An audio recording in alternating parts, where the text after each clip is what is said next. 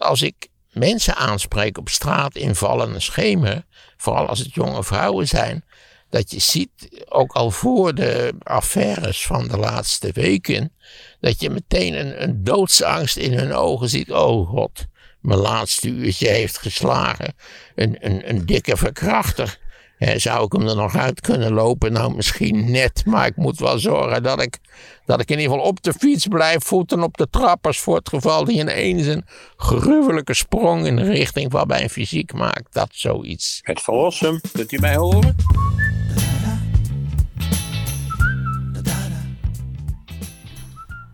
Hey, goedemiddag. Kijk, we hebben vandaag een mooi uitzicht op, wat is het, een studentenwoning?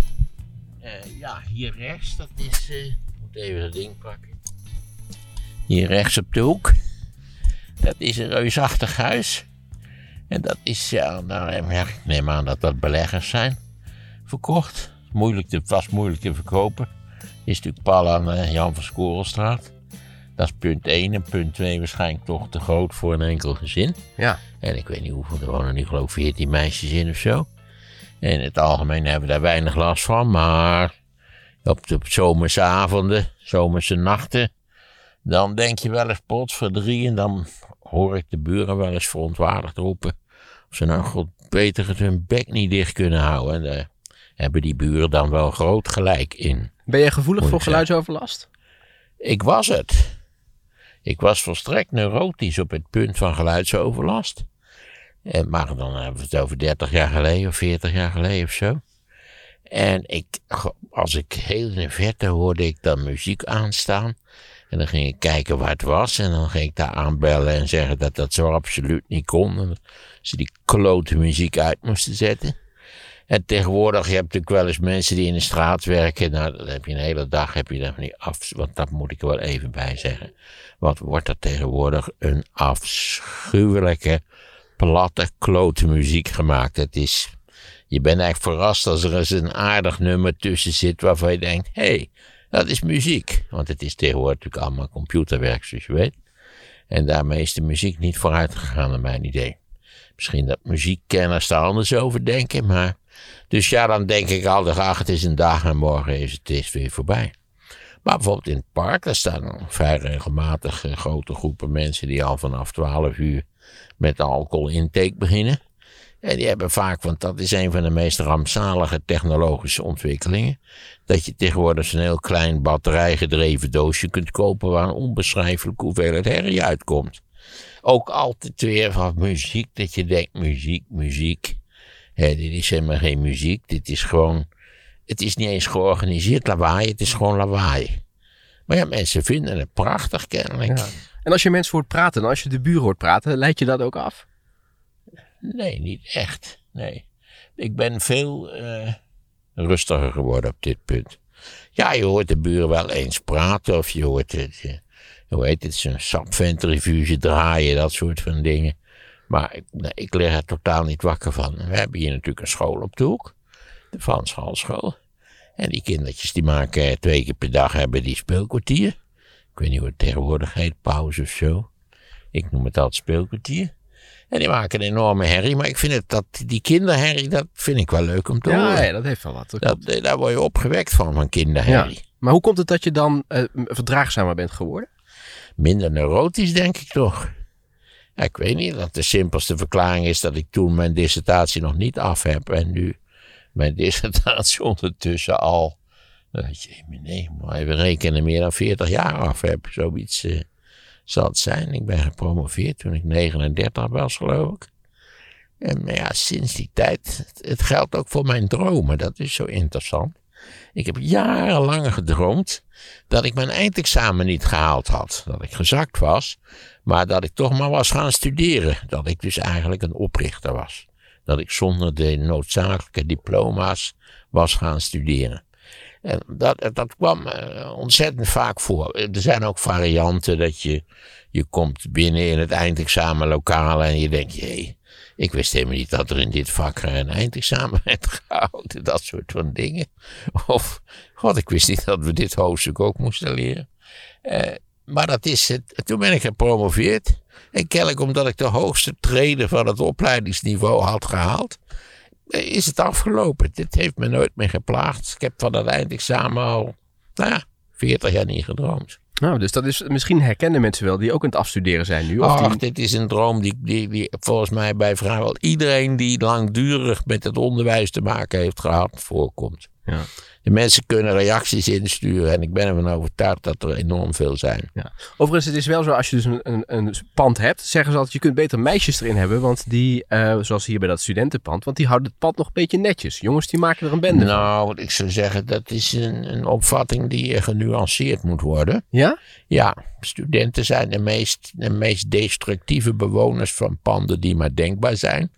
Kan zijn dat jongens nog erger zijn dan meisjes, maar die laatste zijn ook volgens mij vrij de- destructief. Wat doen die dan? Nou, in die tuin is het ook vaak een rommeltje en het staat vol met fietsen. En, Ja, ja. ja, ik ben er nooit binnen geweest, dus misschien is het binnen wel kraakhelder, maar daar heb ik zo mijn twijfels over, eerlijk gezegd.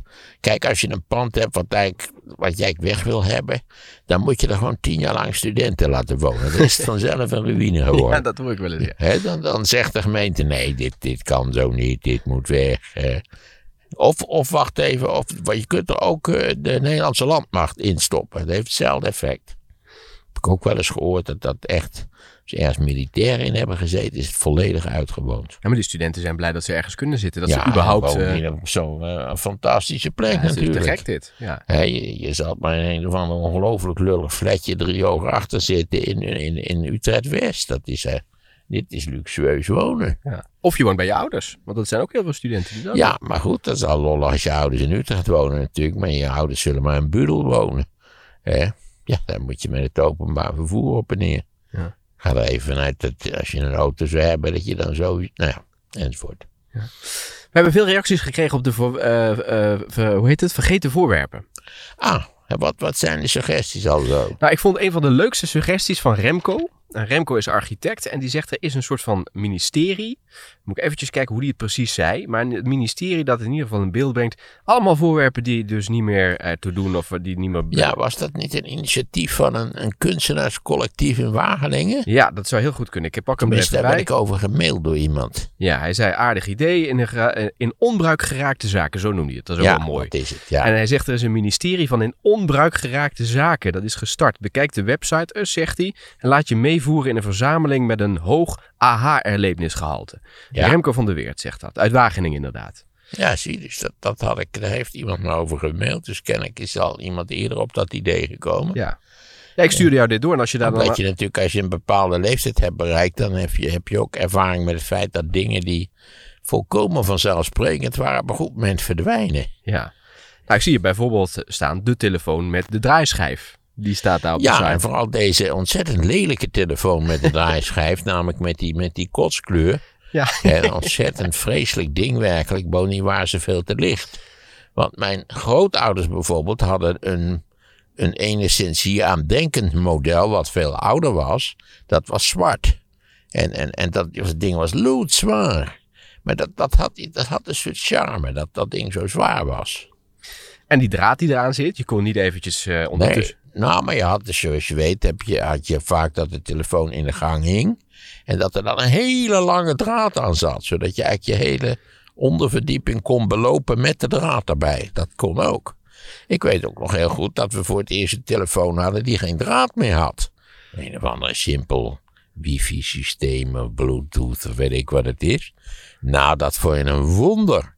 Waardoor je eigenlijk ook als het helemaal niet nodig was, altijd dan zo ver mogelijk van de telefoon af ging zitten. Hè? Zo van, moet je mij eens kijken. En waar is dat witte knopje voor, wat rechts beneden Geen zit? idee. Er zit Ik zo'n heb wit knopje op, wat je op Ik heb kunt drukken. geen idee. Hey, en hoe werkte dat met die draaischijf? Je moest eerst het nummer pakken. Dus als je de nul moest je eerst naar de nul en moest je helemaal naar het begin draaien. Hè? Ja, want het is een mechanisch systeem. Dus die maakte van die klikjes. Dus ja, als je de zeven deed, dan had die zeven klikjes, zal ik maar zeggen.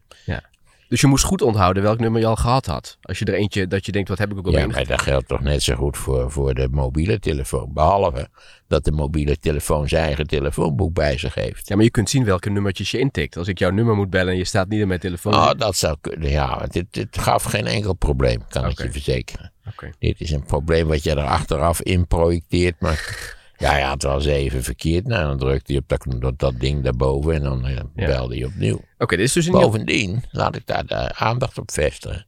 Zolang we deze telefoons hadden, kende ik alle telefoonnummers van mijn vrienden en familieleden uit mijn hoofd. Ja, En, en nu weet ik nog het nummer waarmee we ooit begonnen zijn in de Javerstraat in Wageningen. 83 083 70 4002 en alle andere ben ik vergeten. als je dat nu belt, wie neemt dat dan op? Niemand, want dat nummer is ingrijpend veranderd. Zelfs het kengetal is anders geworden. Ah, oké. Dus ik denk dat je dan die mevrouw krijgt van... dit nummer is, wordt niet gebruikt of is niet in gebruik. Ja. Of zoiets. Ik had inderdaad nog hele lange tijd dat ik het nummer van mijn oma, die is inmiddels al heel lang overleden, dat kende ik uit mijn hoofd. En ik kwam het laatst nog in mijn telefoon tegen, het stond er nog in. En toen ging ik kijken of ik het nog wist. Maar ik was het toch vergeten. Omdat je toch met die mobiele Ah. telefoon alles... eh, En als je dus wat ouder wordt, je, hebt, je hebt meestal zo'n boekje van vroeger met de telefoonnummers. En dat hebben wij ook nog, ziet er niet uit. Een heel oud boekje. En een groot deel van die nummers, is, die mensen zijn overleden. Hè, ja, dat, dat ligt voor de hand Ja. bij mensen die zo oud zijn als wij. Omdat je vaak kennis had die nog iets ouder waren, dus die zijn daadwerkelijk overleden. En dat heeft toch iets, iets angstigs als je ziet hoeveel van die mensen overleden zijn. Ja.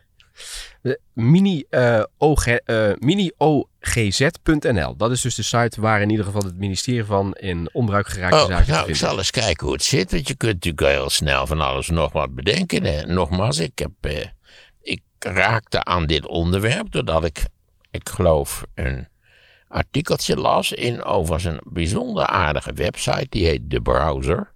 En de browser die geeft je elke dag een, een, moet je dat zeggen, een intelligente keuze uit de beste dingen die op het internet gepubliceerd zijn. En dat is, zijn vaak hele aardige, leuke dingen waar je anders natuurlijk nooit aangekomen zou zijn. En dit, nee, dit stukje, ik neem even een slokje, Ja. ging over de rekenliniaal. En omdat ik een hele concrete herinnering heb aan de rekenliniaal, namelijk die van mijn opa, vond en, en ik had, ik zweer het je, ik denk toch dat ik in 30 jaar, wanneer is mijn opa overleden, vroeger jaren 80, heb ik, nooit, heb ik niet aan de rekenliniaal gedacht. Maar hij eh, gebruikte dat ding. Nou, misschien niet in de laatste jaren van zijn leven. Hij is 96 geworden. Maar in een groot deel van zijn leven gebruikte hij de rekenliniaal voor van alles en nog wat. Hij was elektrotechnisch ingenieur. En ingenieurs en mensen met een beta-opleiding gebruikten rekenliniaal. En hij heeft mij, toen ik nog een jongetje was, ook een aantal hele simpele bewerkingen op de rekenliniaal heeft hij mij geleerd. Die ik overigens compleet en totaal vergeten ben. Want wat ik al zei, ik heb 40 jaar geen rekenliniaal gezien. Maar ik denk, ja god, dat is waar, de rekenliniaal. De rekenliniaal van mijn opa, is dat niet curieus? Hm. Dat heb je in de vorige aflevering uitgebreid verteld. En toen heb je gezegd, ik ga iedere week ga ik een, eh, een onderwerpje erbij. Zo is het. Ja, nou ook die, die rekenliniaal die overigens al heel oud is, die is uit de 17e eeuw, dateert die en heeft iets te maken met het, het toen ontstaande gebruik van logaritmen. Daar hoeven we verder niet op in te gaan, dat wordt allemaal verschrikkelijk ingewikkeld natuurlijk. Eh, maar die rekenliniaal is verdwenen heel plotseling, omdat in ongeveer 1980 een spotgoedkoop eh, elektronisch rekenmachientje kwam. En nu komt het punt natuurlijk dat aan de ene kant zeg je van ja, dat spreekt vanzelf en eh, onhandig dingen, rekenliniaal. Hij was helemaal niet onhandig, het ging snel. Het blijkt ook veel nauwkeuriger te zijn geweest dan veel mensen eigenlijk denken. Je kunt de re- rekenliniaal aanpassen aan het doel. Wat mij heel frappeerde is dat de ontwerpers van verbeteraars van de stoommachine een rekenliniaal hadden die speciaal geschikt was voor berekeningen die de stoommachine betroffen. James Watt en, zijn Cornuit Bolton. Eh, en dat is op andere terreinen ook mogelijk. En er is ook iets verloren gegaan met het verdwijnen van de rekenliniaal. Want door het gebruik van de rekenliniaal ben je ook beter, besef je beter wat je eigenlijk aan het doen bent. Want laten we wel wezen, zo'n rekenmachientje, ik geloof dat de eerste van die Hewlett Packard HP-machientjes waren. Dat is een blackbox. En niemand, je ziet niet wat er gebeurt. Maar dat is de mop van een rekenliniaal. Je moet al een zeker inzicht hebben in de berekening die je wilt uitvoeren. En dan zie je op de rekenliniaal, zie je ook, laten we zeggen, de verhoudingen. Of, of eh, dat kan van alles zijn. eh, En niet waar wat betreft, eh, kan eh, eh, ver- ver- heffen tot de macht, zo, zus of zo, kan van alles zijn. Dat zie je allemaal. Dus je, weet- je weet beter wat je doet. En toen dacht ik natuurlijk onmiddellijk aan het GPS-systeem. Ja. Wat omstreeks dezelfde tijd eh, geïntroduceerd is. Eh, het GPS-systeem hebben wij te danken aan de Koude Oorlog. Het is namelijk een positiebepalingssysteem. Wat met, eh, ik geloof, 14 satellieten werkt of zoiets dergelijks. Je hebt er vier nodig om de positie nauwkeurig te bepalen. En wie bedacht het? Het Amerikaanse leger, het Pentagon, heeft dat bedacht. Want die wilde weten op welk denkbaar moment, op welke plek op de planeet ze aanwezig waren. En je weet dat Amerika zijn veiligheid altijd in mondiale termen heeft gedefinieerd. Hadden ze dat maar niet gedaan, maar goed, dat hadden ze wel gedaan en daarvoor was dat systeem ontwikkeld. Wat zo geweldig was dat ook Europa een eigen systeem tot stand heeft gebracht. Ik weet eigenlijk, dat is ook suf. Niet precies of dat nou klaar is, of dat werkt, ja of nee. Of we nog steeds het Amerikaanse systeem gebruiken, dat weet ik eigenlijk ook niet precies. Nou, in, in ieder geval het GPS-systeem. Vanaf, dat las ik ook, wist ik helemaal niet. Overigens in het boek waar ik het over ga hebben, komt dat GPS-systeem. Of liever gezegd, wat het daarvoor was, niet voor. Eh, want daar gaan we het zo over hebben. En dat GPS-systeem zou, dat, was, dat bestond al enige tijd, maar is vrijgegeven door Ronald Reagan. Kijk, er verschijnt weer zo'n zo'n zo'n reuzenauto. Een, een, Ik ben toch... een Mitsubishi, als ik het wel Ik heb toch iedere keer zoiets met, die hebben allemaal van die piepjes aan boord. Je denkt iedere keer ze beuken je helemaal in elkaar als ze gaan Nee, inparkeren. dat doen, dat doen ze niet. Ze zijn wel veel te groot. Ik heb geloof ik al eerder geconstateerd, maar met genoegen constateer ik het weer. Dat alle winst die wij gemaakt hebben met het zuiniger maken van automotoren, is verloren gegaan door de opkomst van de SUV. Een totaal overbodig soort van klote auto. Goed. Maar even één ding daar wel, want heel grote gezinnen zeggen, dat is heel handig, want dan kunnen we in ieder geval iedereen in die auto neerzetten. waarom? Wat is er mis met de ouderwetse stationwagen? Niks toch? Ja, oh, daar past het ook in, daar heb je gelijk in. Zo'n fijne doos, zo'n zo'n Volvo, alle van die rechte lijntjes en zo. Zo'n lange bak. Of zo- zo'n VW Passat, dat soort, dat type van auto's. Hartstikke ruime Ja. auto's. Maar als je vier mee. kinderen hebt, dat komt nu niet meer zo vaak Oh, voor. die kun je er allemaal achterin proppen. Ja, en ook als je nog een hond erbij hebt. vier kinderen. Hoeveel mensen ken jij met vier kinderen? Nou, ik was de, toevallig deze week hoorde ik iemand die had begonnen aan zijn derde kind. Hij begon aan zijn derde Ja, kind. dat klinkt een beetje Dan vervelend. durf maar- ik nu al te voorspellen dat de vierde er niet van zal komen. Hoezo niet? Nou, omdat als hij er drie heeft, hebben ze de handen eraan vol. Ja, maar ik dacht bij twee denk je al, dat is eh, veel. Nee, dat vind ik nou zelf niet. Ik had er wel, ik heb er twee natuurlijk. Wij hebben er twee. Maar ik had er wel wat meer willen hebben, zeker. Oh ja? Ja. Wat- en hoeveel dan? Nou ja, ik woon ruim. Het inkomen dan ontbrak ook verder niks aan. Nou ja, drie lijkt me wel lollig. Maar wat voegt die derde dan toe?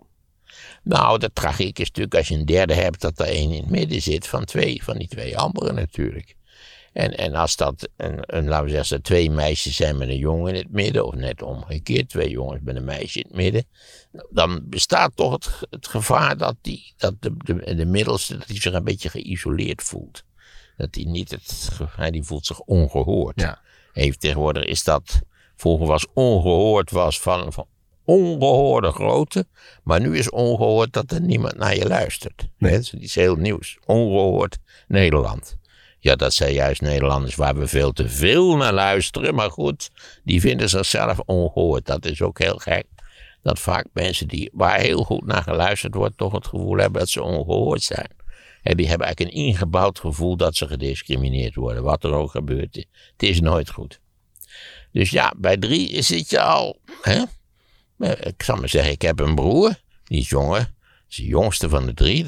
En eh, ik ben de oudste en mijn zuster zit er tussenin.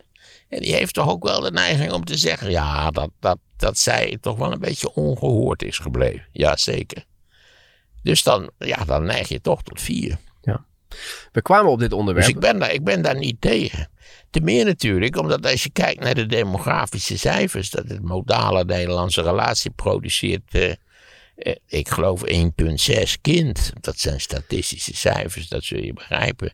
Nou ja, voor vervanging hebben we er al 2,2 2,2 kinderen nodig per relatie. Dus je ziet, Ja. En je kunt er best af en toe zo'n lekkere uitschieter van drie of vier bij hebben. Precies. Ik moet even die meneer die zei van ja, het ontbreekt aan focus in deze podcast. En die zei die presentator die moet meer de, de leiding houden. Die, die zal ik even zeggen, dat is, dat is hoe dit gaat in deze podcast. Dus het format kun je zeggen. Want we begonnen bij de SUV, toen kwamen de kinderen. Maar het ging eigenlijk over GPS. Daar waren Ja, we daar, daar gaan we zo ook Ja. over door. Nee, daar is, eh, daar is hier eigenlijk geen focus over. Die zegt, er is een breed focus. En het focus betreft eigenlijk die dingen die toevallig in mijn hersens op het scherm verschijnen. Precies. Want je weet, in je hersens zit een heel groot scherm. Ja. Kleurenscherm, echt tegenwoordig ook een LED-scherm. Echt van, of misschien een OLED-scherm zelfs. Ja. En daar verschijnen vaak volkomen spontaan.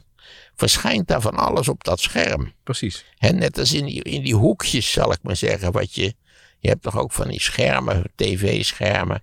Waar wel, wel drie of vier verschillende programma's op draaien. Ja, dat klopt. Precies. Ja. Ja. Big F zegt dit. focus, dat vind Ja, ik het ook is wel. anonieme. Dat is jammer van het regelmatig ontbreken van focus. Ik moet steeds vooruitspoelen, zegt hij. om het te kunnen blijven volgen. Dus Hoe heet die meneer? ja, Big, big F. Ik, dat is Och jee, anoniem. ja.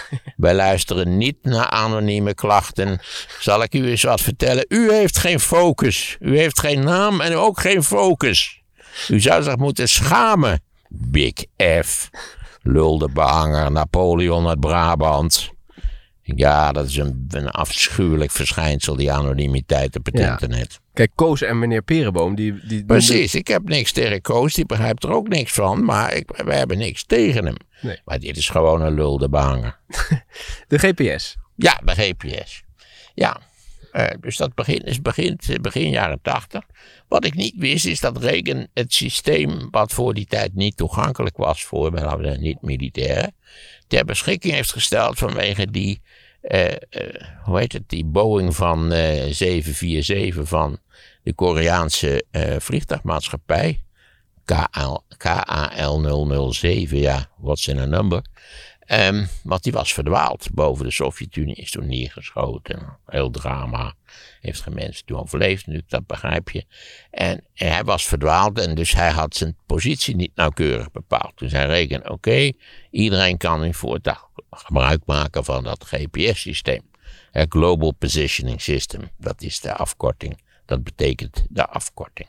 Eh, en maar met iets minder nauwkeurigheid dan het militaire systeem. Het militaire systeem ook op een meter nauwkeurig. En het systeem wat, eh, wat niet-militairen kunnen gebruiken, dat is dan eh, 10 meter of zo. Maakt ik verder geen klap uit.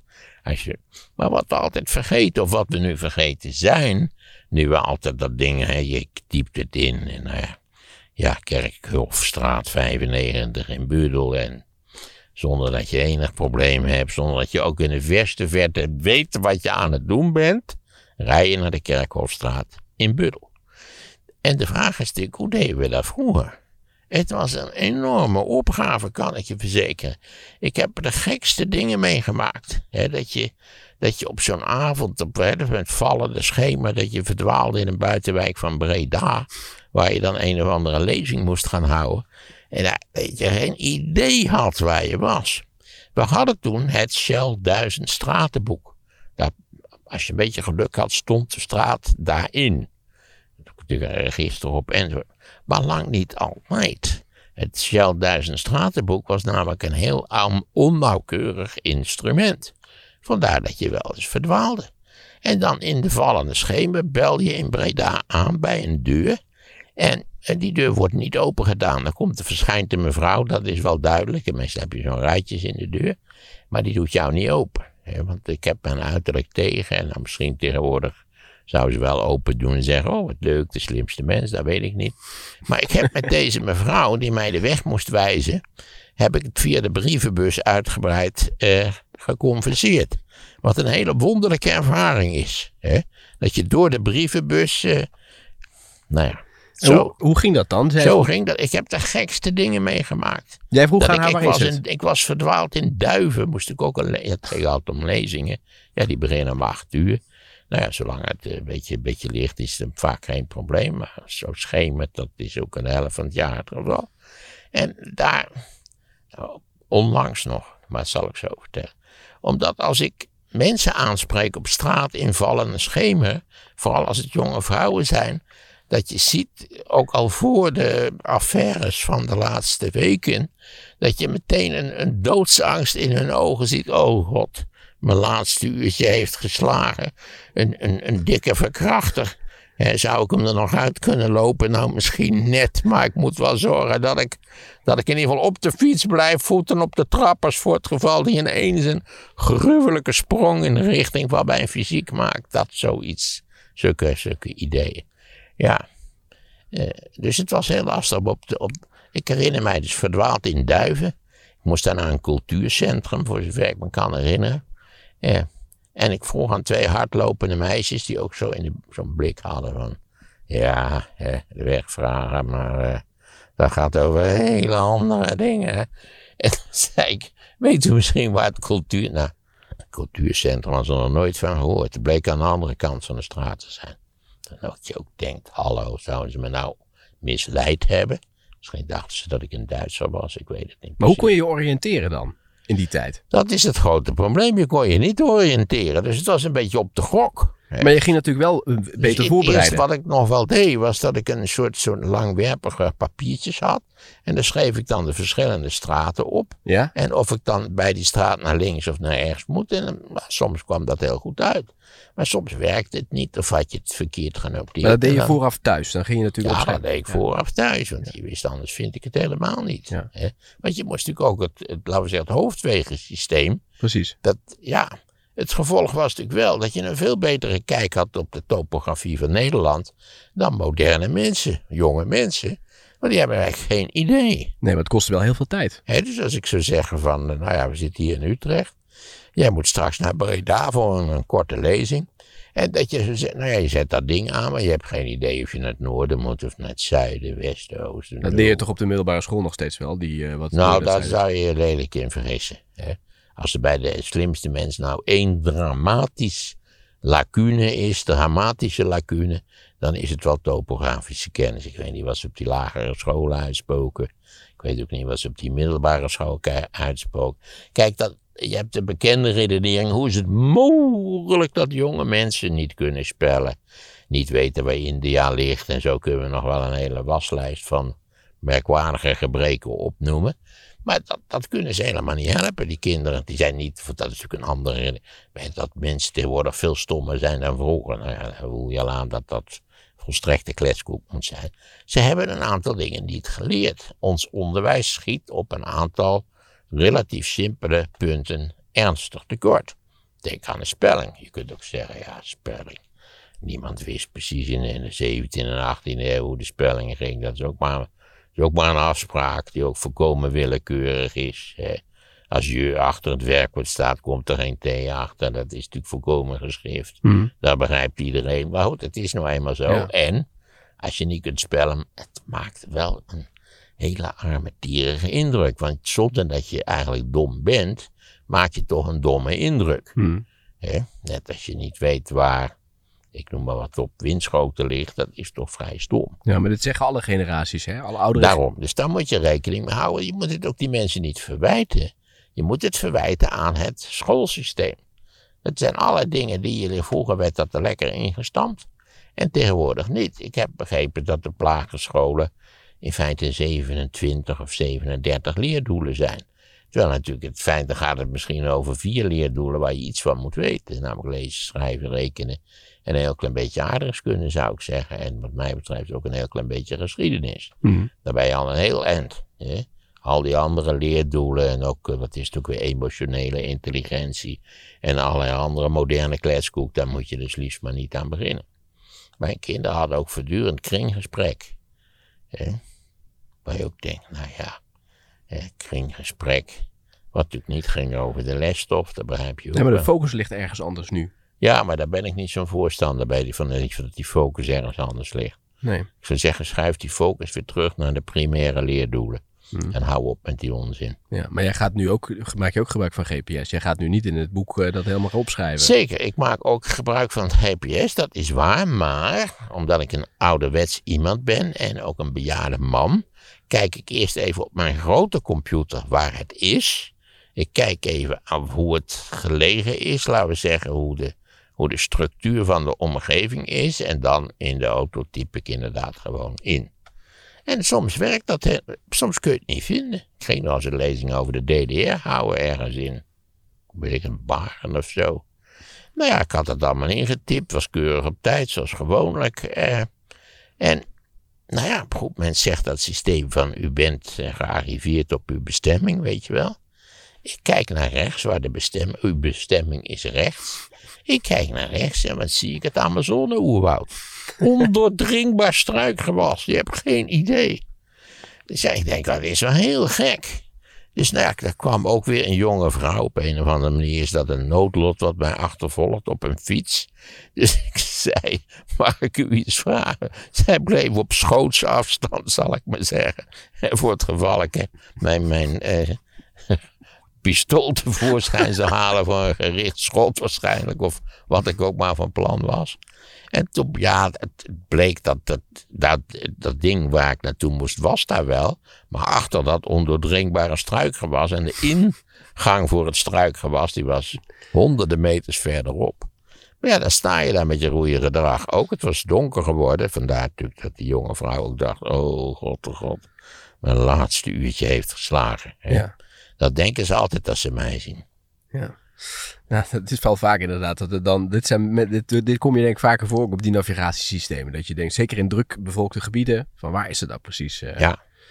Maar goed, je hebt dus ook daar, omdat het niet meer hoeft, eh, is, is ook die topografische kennis, als je het al geleerd hebt, is al lang versleten omdat je gewoon op je telefoon die boel intypt en, en klaar ben je in feite. Maar ik denk wel dat iedereen En dan weet... heb je erbij allerlei gratis systemen die ook nog aangeven hoe lang de file gaat duren. Enzovoort. En ik herinner me nog dat de taxichauffeur zei, ik heb nu een systeem. Eh, taxi 19.000 was dat. En die reed dan van Hilversum naar de Franse Halstraat. Ik zei, nou dat geloof ik niet. Ja, stom natuurlijk.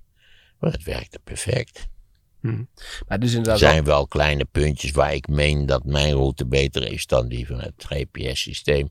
Dat komt natuurlijk ook omdat dat het eh, vaak berekend is op zo snel mogelijk naar de, de hoofdwegen toe. Hè?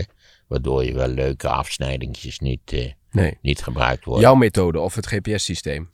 Nee, ik, mijn, mijn zijn handige afsnijdingjes. Ja, oké, dat snap ik. Ze zeggen ook bij, bij de Google bijvoorbeeld dat, dat, dat daar een commercieel belang achter zit. Hè? En dat, dat, zou kunnen, dat is zeker. Ja, je moet, je moet ze nooit vertrouwen. Nee, hè? dat ze bijvoorbeeld zeggen een Ja, bedrijf... er is goed nieuws trouwens, het gaat slecht met Facebook. Hè? Ja, die zijn enorm gedaald. Man, man, man, zeg, wat zijn die geduikeld. Ja. hè? En hoe komt dat? Omdat Apple een heel ander systeem ingevoerd heeft op zijn telefoon. Ja, neem ons even mee voor de mensen die het gemist hebben. Wat is dat precies gebeurd? Want ze zijn enorm ge- gezakt op de beurs. Ja, dat kwam omdat ze bekend maakten dat ze voor het eerst eh, mensen, eh, leden verloren. Ik weet niet hoe noem je dat bij Facebook. Vrienden. Vrienden. Ja, je kunt vriend worden van elkaar. Anyway, ze hebben voor het eerst hebben ze mensen verloren. Dat is voor het eerst sinds 18 Of jaar. gebruikers. Ja. Of gebruikers. Dat, ja. laten we er maar gebruikers van maken. Voor het eerst sinds 18 jaar hebben ze eh, gebruikers verloren. Het blijkt dat Apple op zijn iPhone een systeem heeft gezet. Bij een van de laatste wisselingen van de, van de software. Want je weet dat je heel regelmatig. Zo'n update, ja. Ja, maar heb je zo'n update. Waarom moet je dan eigenlijk je iPhone verbinden met het, met het eh, elektriciteitsnet? Soms wel, ja, om hem te installeren. Ja, waar, waar is dat voor? Ja, ik denk voor de energie die hij gebruikt om dat op te zetten. En soms is de accu dan misschien net niet helemaal vol. En dan eh Oh, heeft hij schoon nodig. Je, wil, je wil natuurlijk niet dat hij midden in zo'n update uitvalt. Ja. Nou goed, je hebt tegenwoordig, als je dat bij dat, bij dat, eh, dat mechanische wieltje kijkt, daar Ja. heb je ook een punt. En daar staat of je, of je, die, of die, die hele trekkerij, of je die aan wil zetten, Ja. ja, of nee. Advertentie, persoonlijke Ja, en advertenties. dat kun je uitzetten. Heb ik natuurlijk uitgezet, dat begrijp je ook wel. Want dat heb ik ook uitgezet bij Safari. En die Safari meldt eh, elke week, eh, deze week hebben wij 96 pogingen om u te trekken, hebben wij eh, onschadelijk gemaakt. Nou, ik weet niet precies wat de tekst is. Nou, daar ben ik natuurlijk een groot warm voorstander van. En nou ja, volgens, eh, volgens Zuckerberg eh, scheelde deze maatregel van Apple Ja. die nogal werk maakt van privacy en dat je er geen last van moet hebben enzovoort, scheelt ze 10 miljard dollar per jaar.